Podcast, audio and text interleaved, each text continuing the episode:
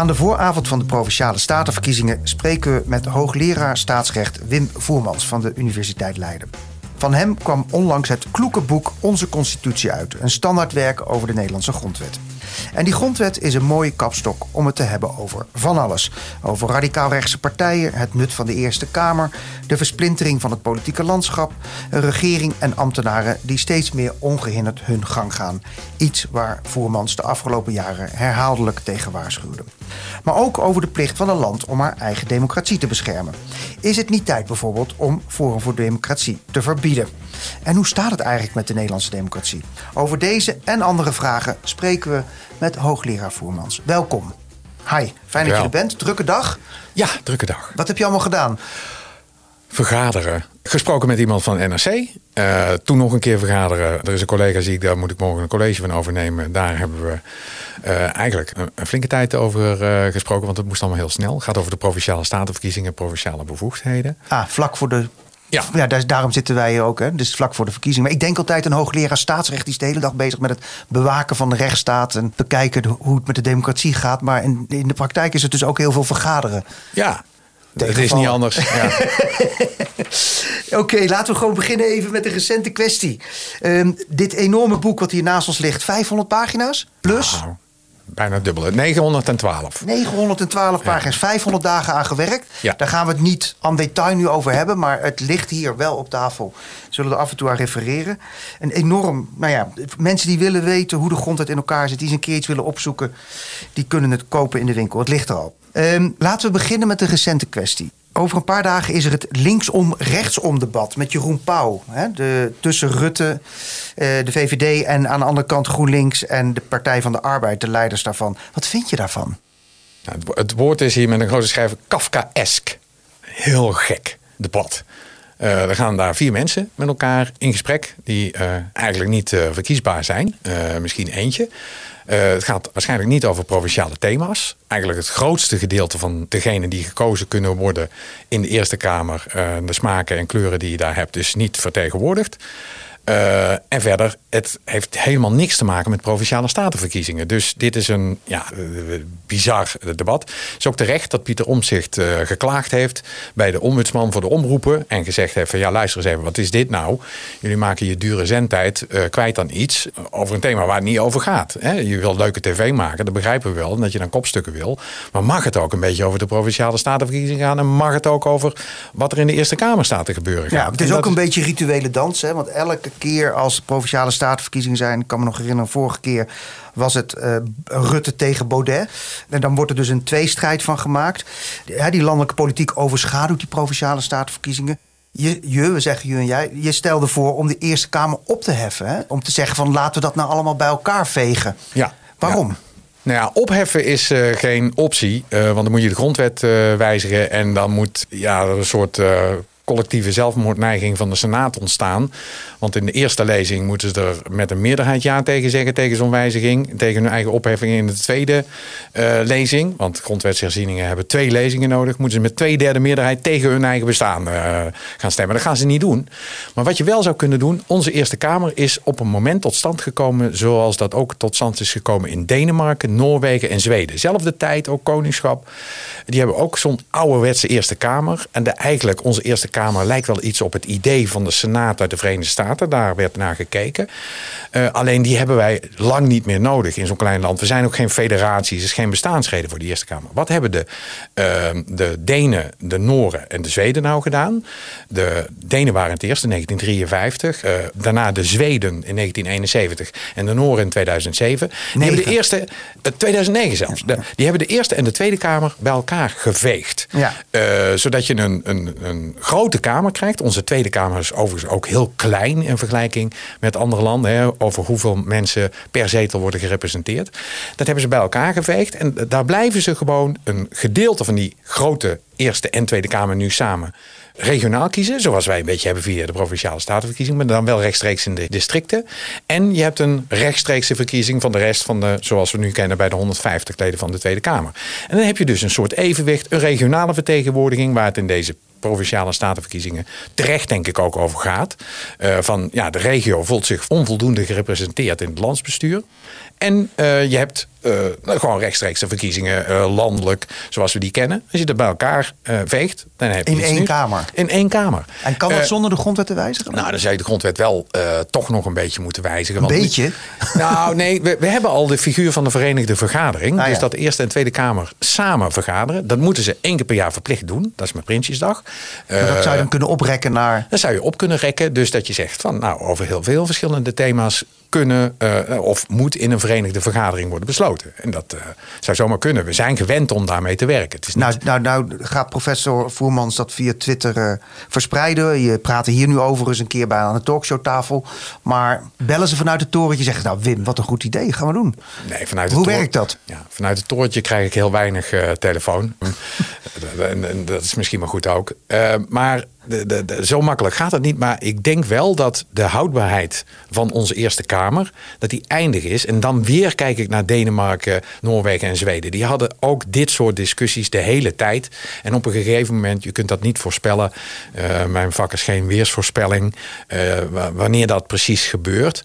Maar je ziet wel dat die discussies over de toegevoegde waarde van de uh, Eerste Kamer dringender worden. Vooral omdat die Eerste Kamer zich politieker gaat gedragen. En dat gaat echt niet, want dat wordt een verdubbeling van de Tweede Kamer zonder het democratische mandaat wat die Tweede Kamer heeft. Ja. En dat gaat dus mis op een gegeven moment. Ja, we hadden het net even over het torentje. Bedoel, je zei misschien maar beter niet. Waarom? Waarom zeg je dat? Mark Rutte is niet je vriend? Of hoe, hoe zit dat? Nee, da daar heeft het niet mee te maken. Ik vind, ik vind een hele knappe uh, minister-president. Maar uh, de, nou, hij is al 43 keer de Kamer verkeerd geïnformeerd. Dat had je uitgedokterd. Nou, 69 zelfs. 69 keer? Uh, 69 keer verkeerd geïnformeerd. De, de, waarom is dat goed om een beetje afstand te houden? Dat is eigenlijk ook een beetje jullie vak als je er uh, onderdeel van uit gaat maken, als je mensen te goed kent, dan uh, daar, daar leidt je blik onder. Uh, ja. Dat je nog goed waar kan nemen wat er gebeurt. En daar hecht ik aan. Dus vandaar liever niet al te vriendschappelijk in het torentje. Ik ga er graag eens een keer kijken hoor, maar verder niet. Nee. Oké, laten we nog een andere kwestie bij de kop pakken die heel recent speelt en die rechtstreeks ra raakt aan de constitutie, de grondwet en dus ook aan, aan jouw vak. Dat is dat ideetje van de SGP, de, de boer-burgerbeweging en wat andere partijen om de gang naar de rechter van voor maatschappelijke organisaties te bemoeilijken.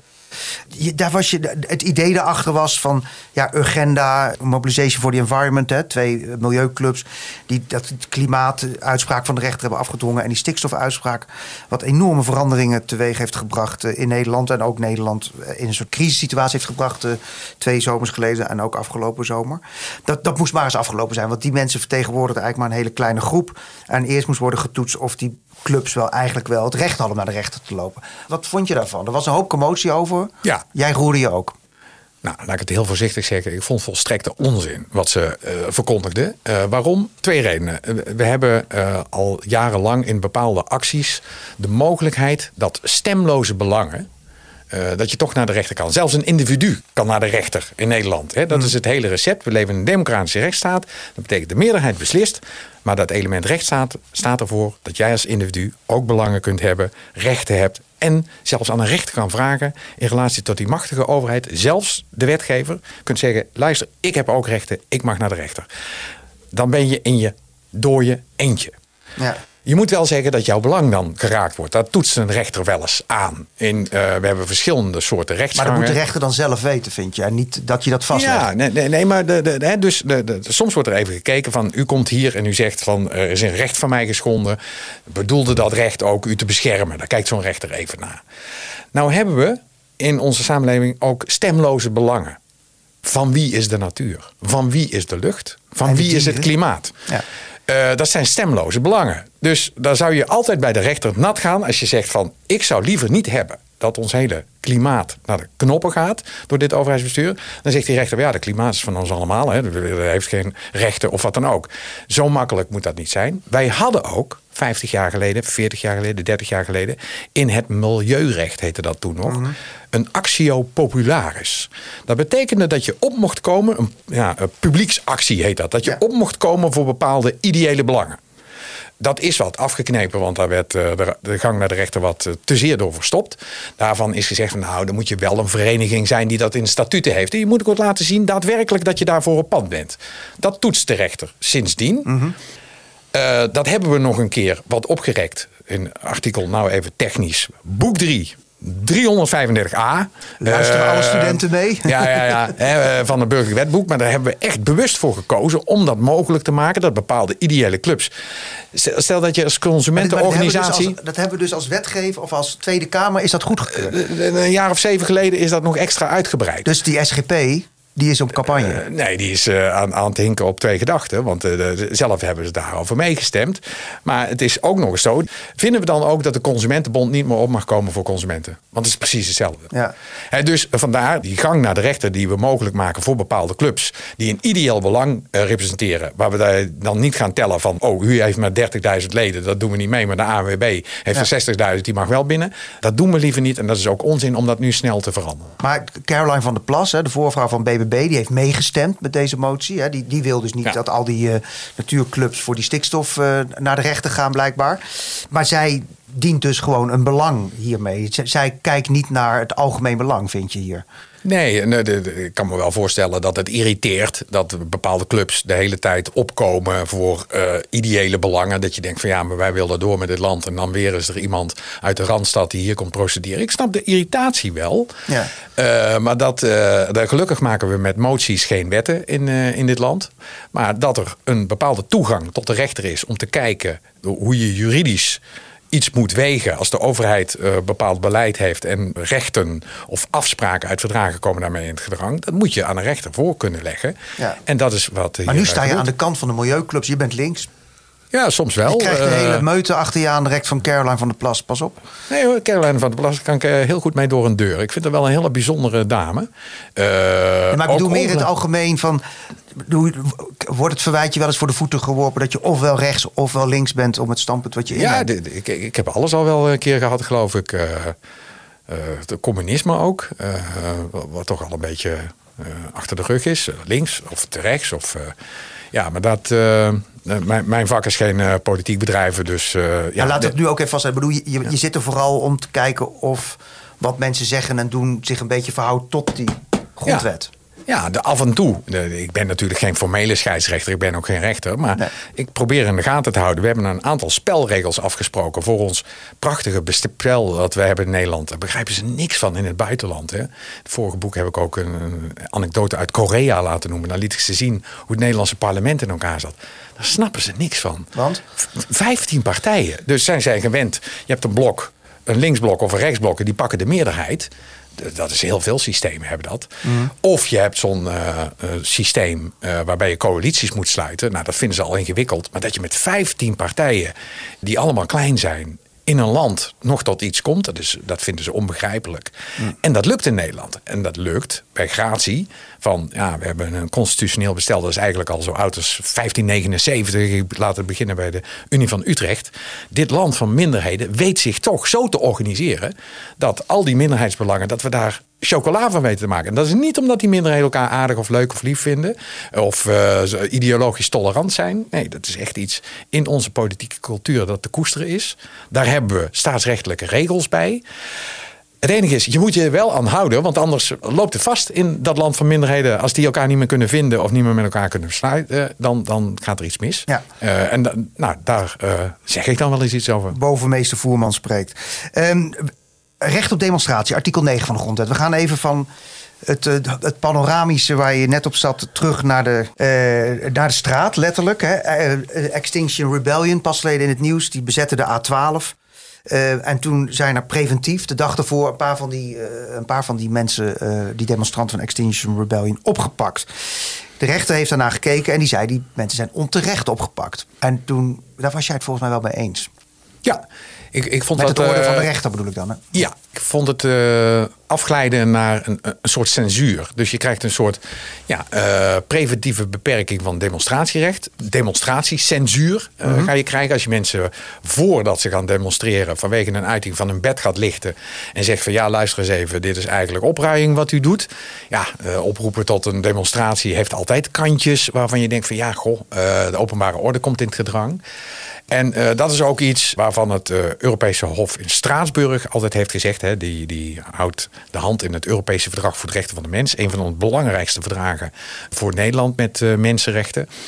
Die heeft gezegd van luister eens even, je moet altijd bij de demonstratierecht als overheid echt heel veel toe willen laten. Dat is zo wezenlijk in een democratie. Dat is ook zo belangrijk. Ook daar weer minderheden dat ze zich kunnen laten horen. Ook buiten de politieke forum.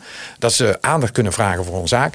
En dan moet je op de koop toenemen dat dat af en toe de openbare orde en de openbare weg ook. En de openbare weg ook. Uh, Kudrivicius uh, arrest is dat. Uh, waarbij in Litouwen ook tractoren midden op de weg werden gezet. En daarvan heeft het Hof toen gezegd, een jaar of wat geleden... Van luister eens even, eigenlijk wordt uh, wegblokkades worden niet beschermd door het uh, vrijheid van demonstratie uit het Europese Verdrag voor de Rechten van de Mens. Maar als mensen zich zo uiten, moet je toch de garanties die er normaal zijn voor overheidsingrijpen, je moet met één hand op de rug uh, dat toch toestaan. Dus hmm. het is als zodanig niet echt een demonstratie, zouden we dat noemen. Maar je moet wel doen alsof die mensen dat recht aan het uitoefenen zijn. En dus heel proportioneel en voorzichtig en zoveel mogelijk toelatend uh, dat. Uh, de, maar hoe kon het dan toch gebeuren? Je zei dat Nederland niet echt gewend is even uh, een paar jaar aan. Hè? We hadden natuurlijk coronatijd. Daarvoor was het eigenlijk een vrij demonstratie periode. Ja. En nu zitten we er middenin. Ja. We hebben de boeren, we hebben de Extinction Rebellion, we hebben het klimaat. Aan alle kanten demonstreren ja. voor hoge lonen, staken in, het, in, het, in de bussen. we waren het even niet meer gewend. En daar is het OM toen overijverig geweest om deze. Ja, je, je zegt het heel goed. We, we zijn helemaal terechtgekomen. We zijn niet meer gewend aan polarisatie of uh, forse politieke tegenstellingen. Dat klinkt heel gek. Maar sinds de jaren negentig in derde wegpolitiek zijn we een soort een generatie opgegroeid die een rust en vrede derde wegpolitiek uh, uit, uit de computer. Uh, technocratie. Ja. Technocratie. en nu knalt is. het weer. En nu knalt het weer. Wat gewoon ja, een redelijk normale manier van politieke extremen die elkaar tegenkomen. En, en echt zeer oneens zijn met elkaar. Zonder dat dat nou constructief tot een oplossing leidt. Dat botst nu tegen elkaar. En we zijn in die jaren ook, uh, de jaren 2000 tot 2020 in de veiligheidsmantra gevallen. Hè? Dus uh, we maakten een paar dingen mee die we nooit mee hadden gemaakt. Moord op Pim Fortuyn, moord Theo van Gogh. Uh, veilig voor alles. En daar zijn overheden zich ook toe gaan verhouden. Dus rechtsstaat tegenwoordig, als je dat zegt, dan wordt er bedoeld veiligheid. Terwijl niet dat de overheid zich ook aan het recht moet houden, is niet meer zo interessant, lijkt het wel. Um, maar dat veiligheidsmantra heeft er ook toe geleid, en de, uh, de, ombudsman heeft dat ook duidelijk gezegd, dat we met het demonstratierecht op een hele verkeerde manier aan het omgaan zijn. He, dus in 2017 heeft die ombudsman gezegd van ja, het wordt een soort wisselgeld voor de openbare orde. Dus zo'n burgemeester denkt, wat zullen we daar eens gaan doen? Uh, ja, zullen we die demonstratie toestaan en dan uh, kan het winkelend publiek er niet door, dus laten we maar verbieden. Dus de, en de ombudsman heeft terecht ook gezegd, jongens, dat moet voorop staan. Ja. Demonstratierecht staat voorop, je moet dat mogelijk als overheid. En dat is niet een onderdeeltje van een afweging. Dat, dat, je nee, moet maar al, een, ander, een ander element is dat is ook grondwetten, artikel 1. Mensen worden, alle mensen moeten gelijk behandeld worden. Er was een enorme discussie van ja, die Extinction Rebellion eh, mensen, die klimaatactivisten, worden veel harder aangepakt dan die boeren. Hè. Dus uh, een collega van je uit Groningen heeft aan een onderzoek naar die, hoog, die specialist op demonstratierecht, die zegt van ja, dat ja. is echt anders. Wat vind je? Vind je dat zorgelijk? Bas Hoorda. Bas Hoorda, uh, ja. uit Groningen. Uh, of ik dat zorgelijk vind, wat, wat ik zorgelijk vind is dus dat het wisselgeld wordt. Dat je dat demonstratierecht niet meer goed toepast. Amnesty International heeft er aandacht voor gevraagd. Het College voor de Rechten van de Mens heeft ook direct zijn die aangeslagen op deze Extinction Rebellion beperking uh, die aan hen werd aangelegd.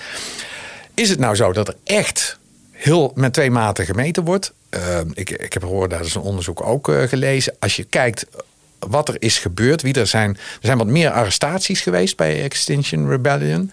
Wat we minder zien is bij, ja, bij die boeren de facto, als er een John Deere van 4,5 ton op de weg staat, die, uh, je, een, een, demonstrant kan je wegslepen, ga maar eens aan zo'n groene tractor zitten. Dat, dat, dat is gewoon in de aard der zaak is dat wat verschillend. Ik zeg hem niet na dat er echt heel verschillend met twee maten is gemeten. Ik vind het bij allebei dat er te krampachtig wordt omgegaan met de beperking van de demonstratierecht. En dat er ook weinig gevoel voor is. Er was heel veel ja, wat doen die mensen van Extinction Rebellion nou buiten dan dat het gewoon erg hinderlijk is? Uh, verkeerd. Je ziet dat de irritatiefactor over. Je, zag het dan burgemeester Jan van Zanen toen bij Buitenhof. Het irriteert hem gewoon uh, dat mensen op zijn weg gaan staan. En dat is de verkeerde houding. Dat, daar moeten we vanaf. Uh, er zullen nog veel meer demonstraties komen in een landschap.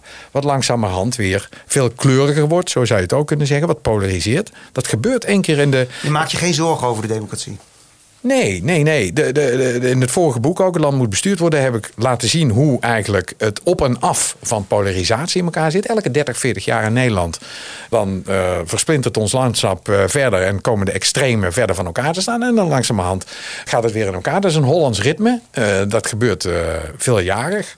Um, en dus de, door, de, krakersrellen naar de jaren 80 naar nu, zal ik maar zeggen. Ja, toen waren de tegenstellingen ook extreem. En dat is weer nu aan het terugkeren. Dat is niet iets om je als zodanig zorgen over te maken. Dat hoort bij een gezonde democratie. Uh, zeker ook bij zo'n minderheden-democratie die wij zijn. Dat is niet iets waardoor de democratie als vanzelf onder water gaat. Nee. Kenneth Galbraith heeft een boek geschreven, ik zeg dat ook in onze constitutie. Die zegt, als je binnen wil lopen, wat, wat is de grootste succesfactor in het publieke uh, debat. Als je binnen wil lopen, veel geld wil verdienen. Was een beroemde econoom, heeft de Nobelprijs gewonnen. Zei hij, moet je een boek schrijven over de crisis van de democratie. That sells. En dat, dat, dat is altijd, als je het hebt over de crisis van democratie, is er iets aan het goed gaan. Als je het niet meer hebt over de democratie, dan gaat het niet goed. Maar dus democratie moet het hebben van tegenstellingen. Ja. Uh, en, en, dat er iets is om uit te kiezen. Ja, en er komen dus ook nieuwe partijen op, zoals nu Caroline van der Plas. Ja, ik, die heel groot gaat worden, zeggen ze. Ik, ik, zeg het daarna. Ik zelf kom ook uit, de, zoals je kunt horen aan mijn stem, uit de regio. Uit een regio. komt uit Zundert. Ja, ik kom uit Zundert, ja. en, uh, ja, die regio heeft een hele andere dynamiek ook. Uh, de andere economie ook vaak. Uh, dan, dan de Randstad. En ja, dat zijn ook belangen. En die belangen die hebben een wat moeilijke vertaling als je met grote nationale partijen werkt. Een, een, manier om daarmee te werken is via provinciale staten. Die zijn minder belangrijk geworden. Dus die, ja, dat dient zich aan. Uh, en daar is politiek kapitaal in te vinden. Uh, met iemand die daar een soort natuurlijke voorvrouw van is. Is herkenbaar voor, voor haar ja. doelgroep. Ze, ze, ze, praat wel tegen alle wetenschap in, zo ongeveer. Maakt, steekt mensen onder, uh, onder water af en toe. Maar dat hoort er dan bij, vind jij? Dat je ja, feit, ook de, feitelijk onjuiste de, de, feitelijke onjuistheden, dat, dat hoort niet. daar in een democratie heb je een, een, een forum, niet forum voor democratie, maar gewoon een politiek forum. Daar komen zo nog te spreken. Waar, waar, waar, waar je, dus het idee van een democratie is dat je tegen elkaar weg kunt strepen. Dat je zegt van, mevrouw van der Plas, wat u zegt, dat is onzin. Dat gebeurde haar ook in het bad anderhalf jaar geleden. Toen ze even weg leek te lopen van hoe we stikstofdeposities berekenen. Dat was een moeilijk moment voor haar. En daar schoof ze ook wel in op. Ik vind haar politieke talent en intelligentie vrij groot. Want zij weet altijd wel goed op te schrijven. Ook bij die uh, demonstraties die er waren uh, van de boze boeren. Wist zij echt wel het midden te houden tussen gekkigheid. Hè. Zij, uh, bij dat protesteren bij het huis van minister Van der Wal. Daar was ze heel resoluut over. Dat doen ja. we niet. Ja. En ook zo nog wat van die andere uitwassen. Verder is het natuurlijk iemand die ook ja, politieke ketelmuziek maakt in aanloop naar verkiezingen. Ja. Uh, dat is je goede recht. En uh, nou ja, het, het grote uh, punt met weglopen bij wetenschappelijk onderzoek. het was natuurlijk ook een aantal keer dat er werd gezegd van ja, luister eens, die berekeningen kloppen altijd. Het gaat over het tijdvak. Maar dit, ik, ik heb nog niet zo vast kunnen stellen, buiten dan die stikstofdepositie en de manier waarop we dat berekenen, dat ze nou een loopje nee, maar de waarheid. Er was een ja. brief van 36 wetenschappers die zeggen, uit alles blijkt dat we ja. echt in actie moeten komen. En in plaats dat zij zegt van die brief neem ik serieus, zegt ze, een van de auteurs heeft de Oostvaardersplassen verzonnen. En daarom ja, uh, desavoureer ik die hele brief zo ongeveer. Ja, nee, en dat, dat is dus Dat politiek. zei ze niet, maar dat was, ja, dat is politiek. Nee, ik ben, ben erg gewend uh, de, de, zo wordt ook nog alles de maat genomen. Hè. Dan zeg je iets, en, ja, links of rechts, weet je wel. Maar niet dat ik dan iets over staatsrecht zeg, maar het moet een politieke mening zijn. Ja, dat gebeurt dus politiek. Ja, hey, laten we het even hebben over je uh, universiteit in Leiden. Ik heb een, samen met mijn collega Michel Cohen een boek geschreven over Thierry Baudet. Uh, en jij kent hem een beetje. Ja. Uit de jaren dat hij daar les gaf. Vond je het een leuke jongen toen? Hele bijzondere vogel. Ja, hij had zeker uh, kanten, hele charmante kanten, waarvan iedereen hem ook wel kent. Wat hij dan uh, deed, had een, een vlinderstrikje aan, uh, gaf hij les en hij wilde ook dat mensen zich aan een bepaalde etiket hielden. dus, een, dus een studenten waren gek met hem, want hij had iets studentico's natuurlijk, wat erg voor jonge mensen aantrekkelijk is. Daar maakt hij nu nog gebruik van. En dan één keer in de zoveel tijd kroopt hij, wij hebben in ons restaurant, in ons Kamerling Ondersgebouw in, in Leiden, er staat een vleugel. Dat is net zoiets als zo'n vleugel op op het station. Op het station. Maar dan kroopt hij daarachter. Midden tijdens de lunch moest het goed vol zitten. En dan pianeerde hij erop los. En dat kon hij echt heel goed. Het was een hele bijzondere, charmante vogel ook wel. Ja. I think it is fantastic Putin exists, zegt ja. hij. Hij vergelijkt het de regering Rutte met die van het naziregime in de jaren 40, 45. En hij zegt over de komende verkiezingen, zoals hij ook zei over de verkiezingen daarvoor en de verkiezingen daarvoor, geloof ik. Deze verkiezingen gaan over oorlog en vrede, over leven en dood. Hij is wel ver afgedreven van, van de Leidse Universiteit, of niet? Ja, ik zou zeggen, als, als wetenschappelijke inschatting van een realiteit is dat niet juist uh, wat hij hier zegt. Um, en, en ten tweede, dat hoeft hij ook niet te zijn als politicus, maar ik denk dat hij ook uit het uh, politieke spectrum aan het wegdrijven is in Nederland. Die nog weinig mensen kan overtuigen. Hij moet eh, zodanig op fantasie en uh, allerlei onbewezen stellingen zijn zaken doen. Ja. Dat hij weinig mensen nog overtuigt. Je krijgt wel een kring van kleine gelovigen. Het wordt sectarisch uh, wat er gebeurt. Ook zijn partij de, roept dingen die uh, ja, waar, waar, gaat dat nog om? De ophef maken, ophefpolitiek noemt hij dat.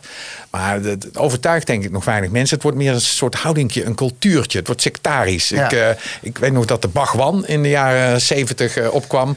Die hadden ook dat soort... ja, Thierry Baudet, de nieuwe Bagwan. Ja, okay, nou ja, stuk, lijkt hij wel een beetje op.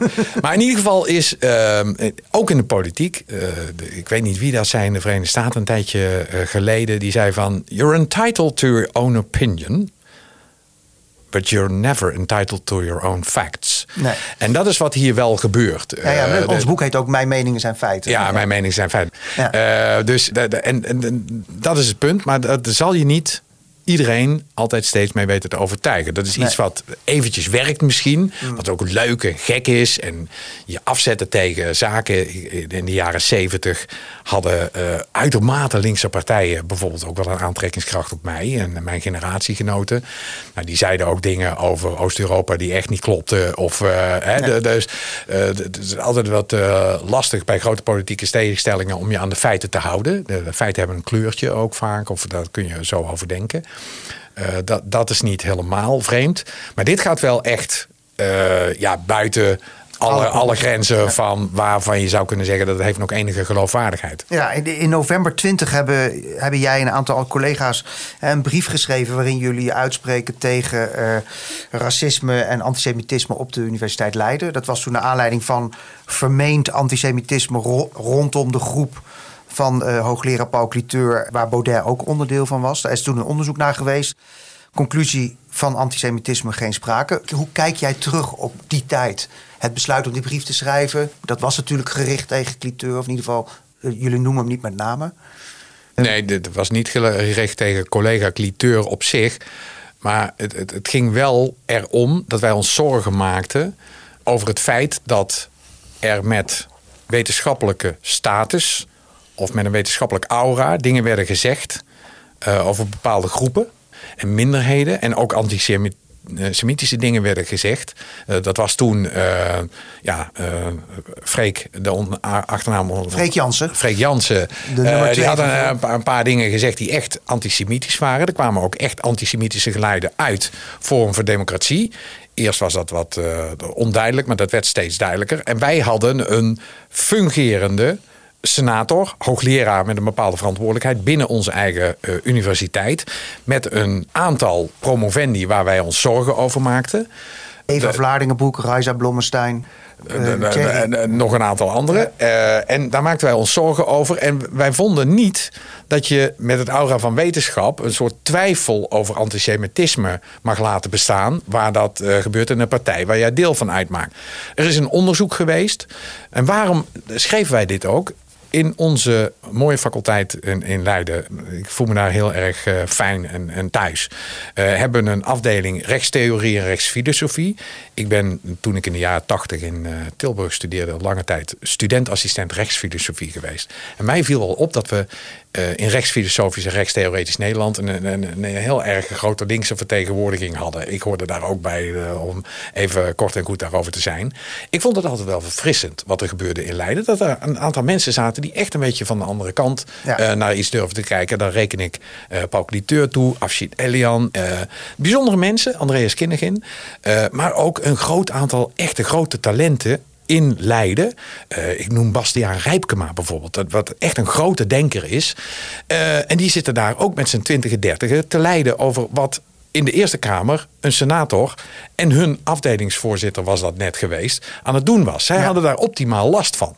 En daar zijn wij ingestapt, maar ook een beetje om de groep die daar zat misschien wel te beschermen. Ik was niet zo blij dat onze universiteit toen een onderzoek ging gelasten om onder eh, de, de beddenkussens te kijken bij de, de staf van de afdeling rechtstheorie en rechtsfilosofie. Van, eh, echt hele goede mensen zitten daar.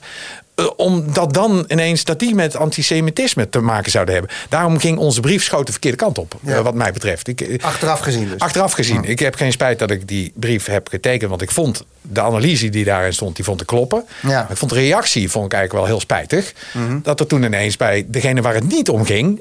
onderzoek na- naar gedaan werd. Dat vond ik jammer. Ja. Ja, je, je bent, bedoel, wat opvalt is, hè, ik bedoel, je bent natuurlijk hoogleraar staatsrecht, toch een uh, keurig en gezaghebbende baan en stem ook in het publieke debat.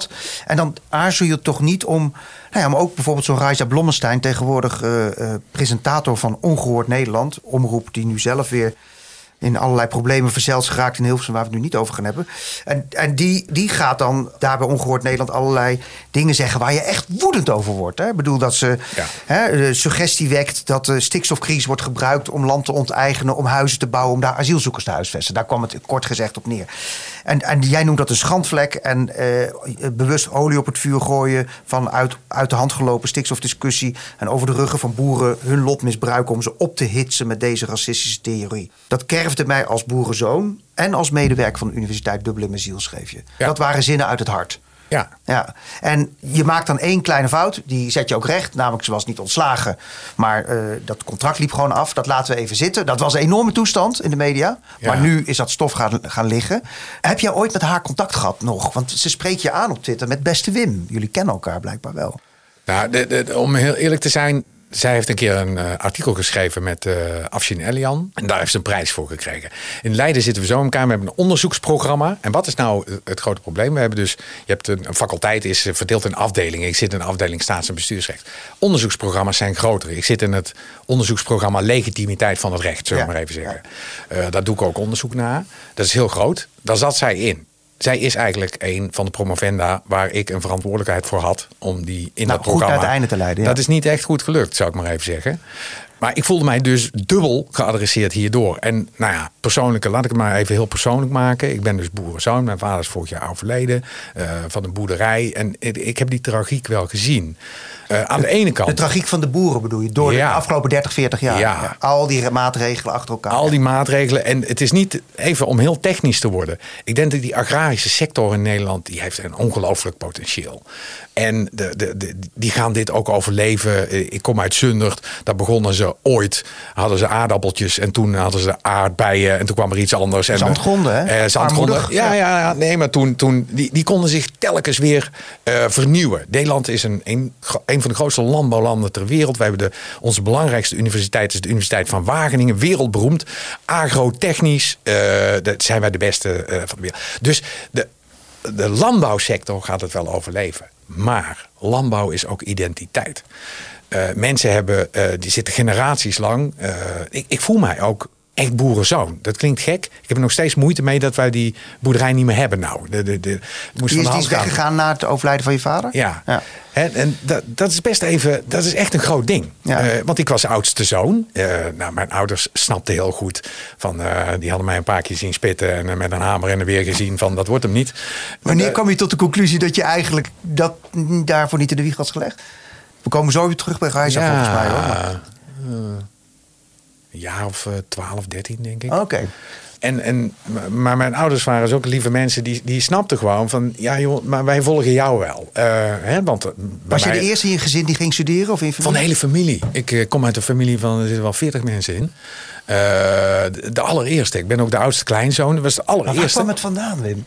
Uit mijzelf. Ik wilde dat. Maar jij zat te lezen op de, op de hooizolder. Ja, dat vond ik leuk. Ik ging naar de bibliotheek in Zundert uh, toen ik een jaar of zeven was. Ik zat in Klein Zundert op school. Het was een heel klein schooltje. Er was nog nooit iemand naar de middelbare school gegaan, uh, VWO. Dat, uh, dat was gewoon nog niet gebeurd. In 1972, een vriend van mij die nu bij Tegenlicht werkt, was de eerste. Die ging naar het VWO, die zat een jaar voor mij en ik was de tweede. Dus zo'n hele school met de zes klassen Maar, waar Eh, het dan? jarenlang. maar het kwam dus gewoon puur uit jezelf. Jij dacht, Gewoon ik- de tv kijken. En, eh, Op een of andere manier, die, die bibliotheek in Zundert. Dat, ik vond dat leuk en eh, spannend. Want dan was je weg thuis. En mijn moeder vond het goed dat ik daar naartoe fietste. En ik ging dan woensdagmiddag naartoe. En ik ging stripboeken lezen hoor. Dat- Voordat je denkt van, oh, deze hyperintellectueel was er al vroeg bij. Ben je gek? Eh, ik las stripboeken, maar dan van een stripboek naar een boek. Dat ging makkelijk.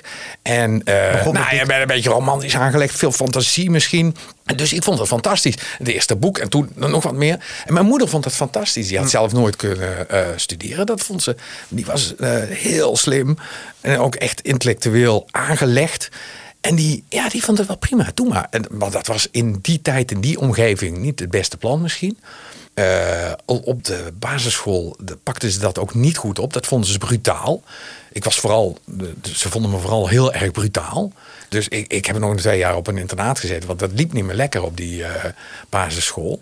Dus ja, zo is dat gekomen. Maar, je mijn bent ook ouders volgden. Ja, Ja, ja. mijn ouders volgden mij. Dat was al hun allerbijzonderste ja, ik weet wanneer werd je ervan bewust dat je met een zwaar accent sprak? Bijvoorbeeld. Bedoel, je nam jezelf wel mee, de grote wijde Je, wereld. je, je hebt het blogje gelezen, dialect. Ja, daar kwam ik dus achter.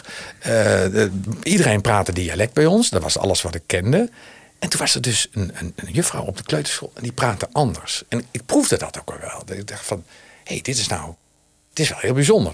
En toen kwam ik erachter. Die, die vriend van mij die is gaan studeren. eh, ook de VWO gedaan. Dezelfde basisschool. Eh, die deed wat heel veel van mijn generatiegenoten die slim waren. In, in dat kleine Zundert ook. Die gingen dan overnemen dat ABN-accent. Ja. Die, die praat ook vlekkeloos ABN. Maar op een of andere manier, ik kreeg het niet meer uit mijn systeem. Eh, het was al te laat dat ik er nog iets aan kon doen. De tweede, derde klas van de lagere school. Dat ik dacht van, hé, hey, bij Ricky en Slingertje op de tv... praten ze toch wel echt heel anders. En toen hoorde ik potverdorie dat dus er een echte taal was... die je hoorde te spreken, het ABN. En toen kreeg ik het er niet meer uit. Het is altijd wel iets geweest. Eh, ook dat mis ik enorm. Dialect praten, dat klinkt heel gek, maar... Maar als je daar bent, dan... ja, ik kan dat nog wel, ja. Ja, Met en- mijn vader, die ik elke dag eh, sprak, ja, dat mis ik enorm. Ja, Ja, ja. ja. Nee, ik kom, eh, ik kom ook het geld erop. Hè. Dus als ik eh, de brug bij Zaltbommel overga, dan... eh, Maar goed. Maar en dan even terug naar reizen. Want de kerf in de ziel, daar ging het om. Hè? Van de Mhm. boerenzoon en de Leidse wetenschapper. Eh, dat, dat leidt tot een enorme commotie in, in, in, in social media. Dat, het d- druppelt dan een beetje door in de kranten. Jij schrijft een, een, een rectificatie over die, over die baan en het ontslag. En zij gaat op hoge poten. Daar, braadt daar de boter uit, zal ik maar zeggen. Maar dat gaat dan ook weer liggen. Maar heb je haar uiteindelijk nog gesproken? Of is daar geen gesprek meer? Nee, nee, dat- dat, dat is niet gebeurd. Het ging ook nogal even toe. Ik denk niet dat het eh, mijn beste optreden ooit was. Was in emotie geboren. Dat is altijd heel eh, onverstandig om dan te reageren. Hoewel, emotieloze mensen... Ik ben geen robot in mijn vak. eh, dat zal ik ook nooit worden. Eh, dus zo erg is het nou ook weer niet. Maar er was ook geen, geen aanleiding voor om nog eh, van zullen we het eens even uitpraten of zo.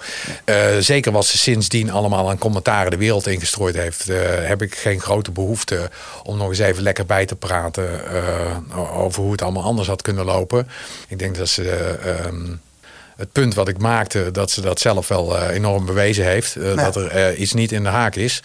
En conservatief mag je best wezen, maar gewoon plat racisme, daar, daar kan ik me niet mee verstaan. Nee. Ehm, en, en er ook op uit zijn om olie op allerlei vuren te gooien. Dus echt. ehm, Vuurtjes aan te wakkeren. ja, maar ook racisme aanwakkeren. Eh, proberen mensen tegenover elkaar op te zetten. Eh, de- de- echt allerlei gemene samenzweringstheorieën erin gooien. Dat mensen tegenover elkaar komen te staan. Daar geloof ik niet in. In die zin vind ik haar erger dan Thierry Baudet. Eh, Ja. Th- Thierry debiteert allerlei gekkigheid. Eh, Hij gaat ook wel ver, hè? en gaat ook heel ver. Maar ik bedoel, als je zegt van dat eh, ja, die met die manier van eh, die reptielen. Dan, dan kom je ook gewoon buiten de haken te staan van een redelijk debat. Maar, maar laten we dan even teruggaan naar de grondwet aan het einde van het gesprek. Verbieden van partijen. En, het, en de- je zegt van eh, de democratie, de Nederlandse democratie.